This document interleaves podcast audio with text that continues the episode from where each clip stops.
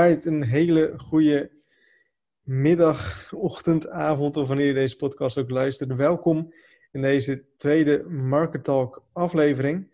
Ehm, in ieder geval, ik denk dat het even leuk is om te beginnen met iedereen te bedanken die uh, gereageerd heeft. Ik wilde zeggen die positief gereageerd heeft, maar misschien ook mensen die eventueel negatief gereageerd zouden hebben op de eerste aflevering van Market, Market Talk. Want... Nou goed, ik slash we hebben best wel wat positieve reacties gezien in ieder geval. Um, de podcast was ook best wel wat afgespeeld. En ja, het is toch even een leuk moment. En uh, toch leuk om, om te zien dat het, dat het gewaardeerd wordt. Um, en deze week is alweer de tweede aflevering van uh, Mark Talk. En tegenover me zit weer opnieuw Leon Godje. Yes, hallo. Zit weer virtueel tegenover me. En um, nou goed, we hadden um, uh, in, de, in, de, in de reacties op het topic, op het ledengedeelte van Internet Succesgids, gevraagd van, hey, um, heb je tips, heb je vragen die je gesteld zou willen hebben, of die je beantwoord zou willen hebben? Stel die dan in dit topic, dan uh, kunnen we die wellicht beantwoorden. En we kregen daar zo best wel wat leuke reacties. En we hebben er nu eentje uitgepakt die naar ons idee best wel actueel is. Ja, hij is lekker actueel, dus een goed moment om het er nu over te hebben. De letterlijke vraag was inderdaad, hoe kijken jullie tegen de coronacrisis en de daarbij behorende geldverschuiving in combinatie met affiliate marketing aan? Uh, ja, ik denk dat het een hele interessante vraag is om op dit moment inderdaad te bespreken van uh, wat zijn nou de dingen en uh, ik denk dat het leuk is om daar een beetje een volgorde in aan te houden toen zeg maar het eerste nieuws bekend was. Hoe, wat onze reacties daarop waren. Of we misschien van tevoren al daar iets op, op ingespeeld hebben, verwachtingen of dat soort dingen. En dat we dan uh, ja, een beetje verder praten naar hoe het, hoe het er nu dan naar uitziet, zeg maar. Misschien dat dat. Uh... Ja, prima. Want eh, voor de luisteraars, we zitten nu dan een beetje dat, dat de tweede golf begint te komen. Um, dus wij als internetmarketeers. Um, um, tenminste, ik zeg nu dus, maar wilde eigenlijk een nieuw verhaal beginnen. Um, wij als internetmarketeers zitten al veel thuis. wij hebben van de eerste golf hè, qua, qua business, qua, qua werkwijze eigenlijk heel erg weinig mee. Of tenminste nadelige gevolgen gehad, om zo maar te zeggen. Um, het is niet zo dat, dat wij ineens niet meer konden reizen of zo. Of dat onze treinen niet meer gingen of wat dan ook. Dus ik denk dat wij daar zo privé niet heel veel last van hebben gehad. Um, maar wat, wat wij zien qua, qua business en qua affiliate marketing, is dat het voor ons en voor onze markt eigenlijk alleen maar goed is. Want wat we zien is dat er natuurlijk gewoon heel veel meer online gekocht wordt. En dan scheelt het natuurlijk wel in welke markt je zit. Dus straks ook nog even leuk om over te vertellen. Maar in het algemeen is wat je toch ziet, is dat, dat de, ja, de online winkels uh, over het algemeen het toch beter doen uh, in deze crisis dan de offline winkels. Ik denk dat het ook iets is wat je redelijk breed door kan trekken. Als we kijken naar het hele verhaal met uh, de, de Bruna en dat soort zaken, die nou, vrij recent nog wel failliet zijn gegaan, zeg maar. dat er heel snel wordt gezegd van, hè, wat zonde, dit waren echte Nederlandse stempels en waarom is dat nou weer weg? Terwijl we voor een heel groot deel dat gewoon aan onszelf te danken hebben door online uh, onze aankopen te doen natuurlijk. En juist omdat we door het, uh, het, het online gebeuren gewoon niet locatieafhankelijk zijn, ja, uh, scheelt dat ook heel veel met een, met een virus. Ik wilde zeggen, we kennen op de computer geen virussen, maar dat is natuurlijk ook wel zo. Maar ja, dat is niet gevoelig per direct voor, voor de dingen die nu heersen, zeg maar. Dat, nee. Nee, klopt. En dan, nu trekken we het inderdaad wel gewoon heel erg breed. Maar als je dan kijkt van uh, lokaal, uh, dat, dat mensen altijd klagen van ja, zonder dat de lokale uh, slager failliet is, om het even ja, zo te zeggen. Ja, um, ja, we doen het toch zelf. Hè? En um, ja, mensen kopen liever voor 5 cent goedkoper vlees dan wat duurder vlees, om het zo maar te zeggen. Ik denk dat als je ook, want nou, dit onderwerp gaat natuurlijk vooral over business-wise corona. Kijk, eh, de, het is denk ik niet uh, zo dat we een discussie aan hoeven gaan of het uh, positief of negatief is. Natuurlijk heeft het ook hele negatieve gevolgen, maar wat ik wilde zeggen is, als je kijkt naar, in ieder geval bij ons in de buurt, naar lokale ondernemers, merk ik toch wel dat de, die, die crisis heel veel mensen wel op scherp heeft gesteld en toch beter gaan kijken naar de manier waarop ze ondernemen. Er zijn hier in de buurt best wel wat, wat restaurants die echt wel een leuk menu hebben, maar die nooit erover na hebben gedacht of het al snel te duur vonden of het weg hebben geschoven om bijvoorbeeld op, op thuisbezorgd iets te gaan doen. En ik denk dat dat op meerdere plekken in Nederland wel is geweest. Dat op een gegeven moment, toen toch wel de horeca dichtging, dat heel veel ondernemers met, met alternatieven zijn gekomen. Thuisbezorgen van menus en, en dat soort dingen. Dus ik denk dat ook, uh, ja, als je die ondernemersmindset hebt, dat je ook door uh, de kleinere markt en de mindere mogelijkheden die je hebt, dat je toch ook op een hele andere manier gaat nadenken en toch je winst probeert te gaan behalen. Ja, je, je, wordt gedwongen natuurlijk om creatief te zijn. Ja, absoluut. Ja, absoluut. Voor de ene is dat ook makkelijker dan voor de andere.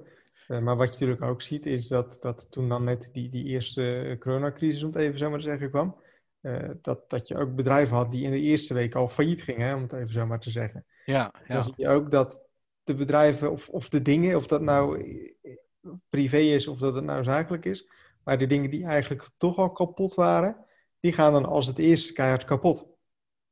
Ja, het is inderdaad een, een gevolg wat snel optreedt. Ik, ik, begreep in het begin ook niet zo goed hoe voor sommige bedrijven het zo'n goede of eh, zo'n grote impact kon hebben.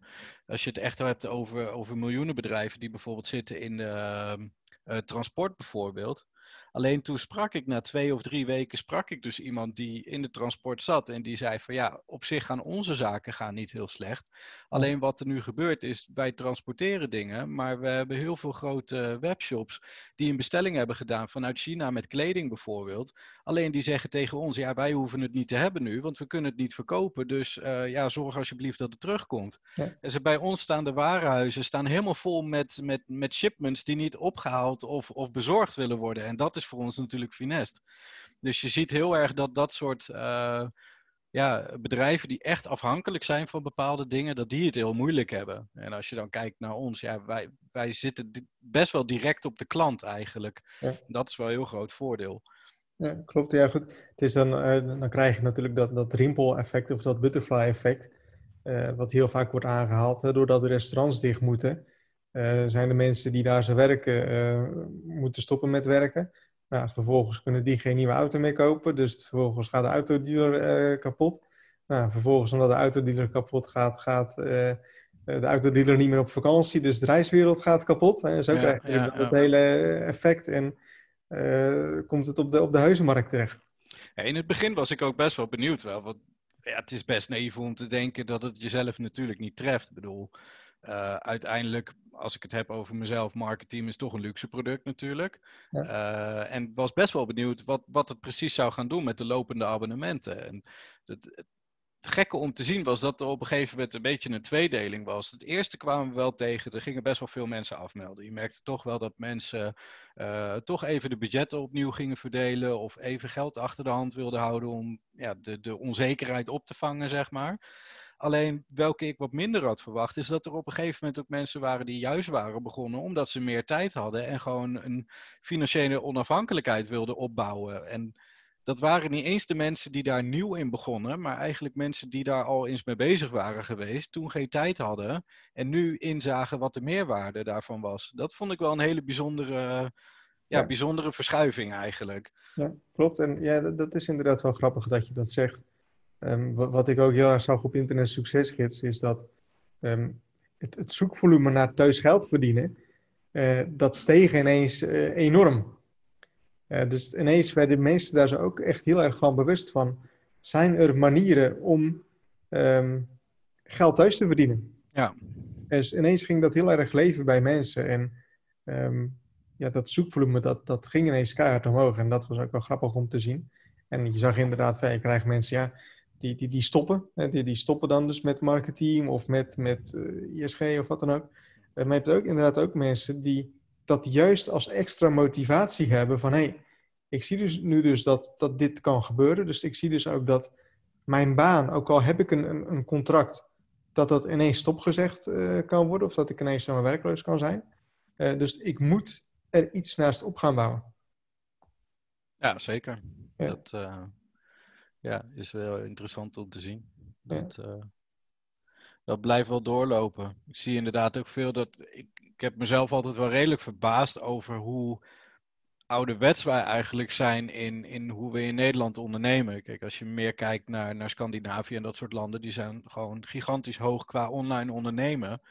Uh, om een leuk voorbeeld te noemen, ik, uh, mijn laatste opleiding die ik volgde was een HBO in, uh, in Enschede. Nou, ik woon zelf in Zutphen, zoals sommigen van jullie misschien wel weten. dat is uit mijn hoofd toch wel even een uurtje reizen, pak een beet. En op een gegeven moment was ik bezig met mijn minor en iedereen wilde afspreken rond een uur of negen op school. Nou, natuurlijk geen probleem mee. Maar goed, dat betekent toch dat je wel om, uh, om half acht de trein moet hebben om daar op tijd te zijn.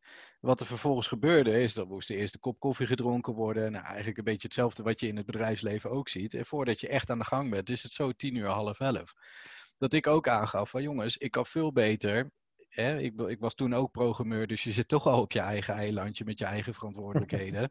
Veel beter dan zeggen, ik begin om half negen, zit ik op Skype, dus dan begin ik nog eerder ook. Uh, maar dat ik dan dus vanuit huis werk. Dan, dan heb ik gewoon een uurtje extra omdat ik thuis zit. Um, maar ja, ik hoef dan niet meer te reizen, zeg maar.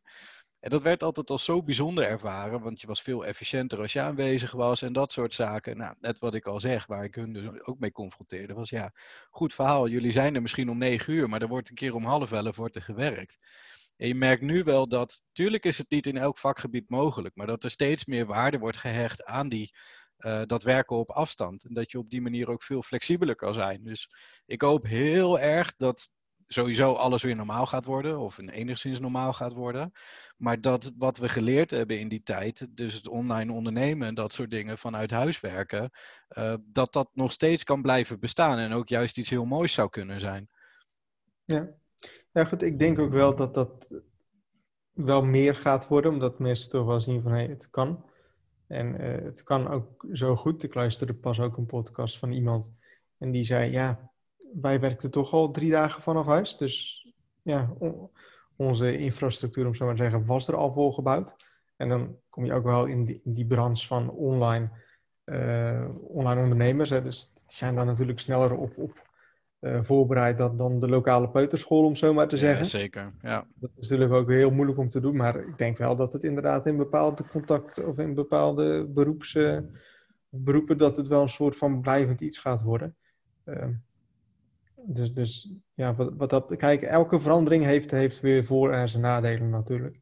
En uh, elke crisis heeft ook weer zijn voor- en zijn nadelen.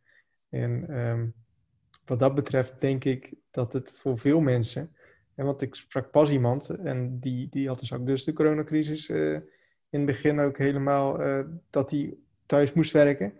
En hij zei, ja, voor mij was het gewoon geweldig, want ik kon elke dag mijn dochtertje uh, naar school brengen en weer ophalen. En normaal gesproken ging ik om zeven uur s ochtends weg en kwam ik om zeven uur s avonds thuis. Dus zag ik ze maar een half uurtje per dag even nog voor slapen gaan. Ja, Nu zie ik die dan de hele dag. Of tenminste, vrijwel de hele dag. Um, dus wat dat betreft heeft het dan ook weer voordelen. Um, maar goed, dat zijn dan misschien ook weer andere dingen. Um, en misschien nog om, om, even terug te komen, want de vraag was meer ook van... Hey, hoe, hoe gaat het met affiliate marketing en corona, toch? Mm -hmm.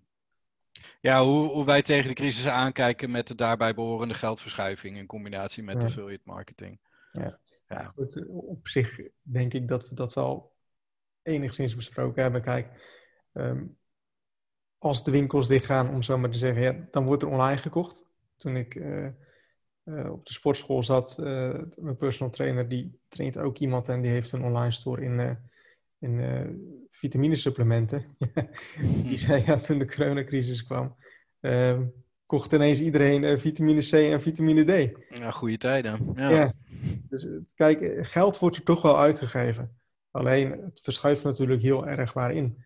En ken ook iemand en die heeft een, een, een affiliate website in, um, in reizen. producten voor, voor reizen. Um, dus je kunt je ook voorstellen, ja, dat ligt natuurlijk gewoon helemaal stil. Hè? Niemand gaat meer het vliegtuig in, of bijna niemand gaat het vliegtuig meer in. Um, dus het verschuift heel erg daar zijn. Ja, het is eigenlijk precies dezelfde verschuiving die je enigszins ziet met de, de offline wereld, om het zo te noemen, zeg maar. Ja, ja dat denk ik inderdaad wel, ja. Ehm, en dan om antwoorden dan te geven van goed, hoe pak je dat dan op of zo, weet je al? Of hoe zorg je ervoor dat je daar voorbereid bent? Ja, is het antwoord misschien ook gewoon heel simpel. Um, dat is uh, verspreiden. En zorgen dat je niet in één niche zit, maar in meerdere niches. En misschien dat het ook wel mooi is om te zien dat met een online onderneming dat je over het algemeen wat flexibeler kan zijn in de uitvoering. Uh, ik kan niet per se een goed voorbeeld noemen nu, maar als je kijkt naar de offline wereld, stel dat je inderdaad met een restaurant zit dat normaal op, uh, op 60 man is ingedeeld met bepaalde soort tafels en dat soort dingen. Je hoort dat je nog maar 20 man kwijt, uh, kwijt kan. Ja, dat kan eventueel best wel lastig zijn. Andere soort tafels, uh, ja, die, die schermen die overal tussen moeten. En online zou je inderdaad veel makkelijker kunnen zeggen van nou, we gaan in één keer een workshop doen. En die, uh, die is in plaats van dat die off, uh, offline is, gaan we die online doen. Dat, ja. Ik denk dat dat er ook wel voor zorgt dat het wel handig is om, of dat dat een van de voordelen is van online ondernemen. Ja, ja, goed. Kijk, hij zei ook dan, dan die, die, die persoon in die, die affiliate reis Frans van ja, um, kosten heb ik niet echt. Je hebt, je, hebt je, je website en je hebt je hosting. En voor de rest, ja, weet je wel, er komt niks binnen, maar er gaat eigenlijk ook niks uit. Dus wat dat betreft maakt het het ook weer wel wat makkelijker, dat, dat hele online gedoe. Want ja, qua affiliate heb je gewoon vrijwel geen kosten. Uh, heb je natuurlijk een webshop en heb je personeel lopen en heb je een, een grote loods, dan is het natuurlijk ook weer anders. Maar ja, je zit zelf niet met voorraad en personeel inderdaad over nee. het algemeen. Ja, kijk, je zou personeel kunnen zien als tekstschrijvers, maar ja, als op dat moment het misschien niet handig is om, uh, om content te gaan creëren, ja, dan geef je ook geen opdracht uit. Dus dan, uh, dan kan je relatief op nul draaien, inderdaad. Ja. Klopt, en dan kun je natuurlijk redelijk makkelijk gewoon afschalen. En um, als je dan nog wel gewoon andere websites hebt waar genoeg op binnenkomt, dan um, ja, verschuift het op die manier. En online vastgoed te creëren op het internet met affiliate marketing is gewoon vrij makkelijk. Alleen je moet het wel gewoon voorbereiden. En ja, je moet dan wel op dat moment die websites ook hebben. Kijk, als dat dan die, die coronacrisis begint, um, ben je eigenlijk al te laat. Hè? Want voordat je website dus een beetje begint te denken en een beetje begint te doen, ben je toch een paar maanden verder. Ja, en het blijft natuurlijk ook een ding wat niemand kan voorzien. Kijk, eh, als je gewoon een goede. De, de, reisbranche is natuurlijk een hele mooie niche om, om op te kunnen verdienen. Omdat het snel om hele grote bedragen gaat als iemand een vakantie boekt of wat dan ook. Maar niemand heeft natuurlijk kunnen voorzien dat dit kan gebeuren. Dus ja, weet je. Uh, wie weet wat er, uh, wat er later gebeurt. Apple wat in één keer uh, spontaan begint te ontploffen. En je kan geen iPhones meer kopen. Ja, dat, dat is super zuur. Alleen, ja, dat, dat zie je nooit voor mogelijk, joh. Nee. Nee, nee, natuurlijk. Nee. Wat, wat betreft dit is, dit is natuurlijk, kijk, als jij nu een evenementenbureau hebt, ja, weet je wel, dan, dan, kun je creatief zijn en dan kun je van alles zijn, maar dat is natuurlijk gewoon heel lastig en dat is gewoon heel zuur. En daar kun, ja, daar kun je gewoon niet, niet, niet op inspelen. Nee. Of nauwelijks op inspelen. Dus... En het mooie van affiliate marketing is dan dus wel dat je heel makkelijk in een andere markt uh, bezig kan zijn. Net wat jij zegt, het, het is niet handig om nu te zeggen, ik moet per direct een andere website erbij uh, hebben. Maar als je inderdaad een goed lopende website hebt, om wel erover na te denken om in verschillende markten te gaan zitten, om op die manier gewoon te kunnen spreiden. Uh, stel dat je inderdaad een website hebt die alleen maar over kerstartikelen gaat, ja, dan weet je ook in welke maanden die goed scoort. Dan is het op een gegeven moment toch handig om, uh, om iets erbij te zoeken voor de andere maanden. Ja. ja, absoluut, absoluut. En wat dat betreft is dan dus affiliate echt affiliate marketing heel makkelijk om mee te beginnen, omdat ja, je begint gewoon een nieuwe website. En uh, dat, heb je, dat heb je zo gedaan. Um, dus dat is, ik weet niet, Leon, heb jij nog dingen verder toe te voegen? Of? Ira niet. Ik denk dat we best wel goed antwoord hebben gegeven op, uh, op de vraag zelf. Ja, ik denk het ook. Ik denk het ook. Dus als mensen nog nieuwe vragen hebben of als ze willen reageren, als ze een mening willen vertellen, wat dan ook, laat het gewoon even weten via de oude vertrouwde kanalen. En dan uh, kunnen we daar weer op reageren of kunnen we daar weer een nieuwe podcast over maken. Um, voor nu willen we jullie bedanken voor het luisteren van deze podcast. En Leon ook bedankt voor je aanwezigheid hier zo in. En, ja, uh, jij ook weer bedankt. geen probleem. En uh, we spreken elkaar weer in een volgende podcast.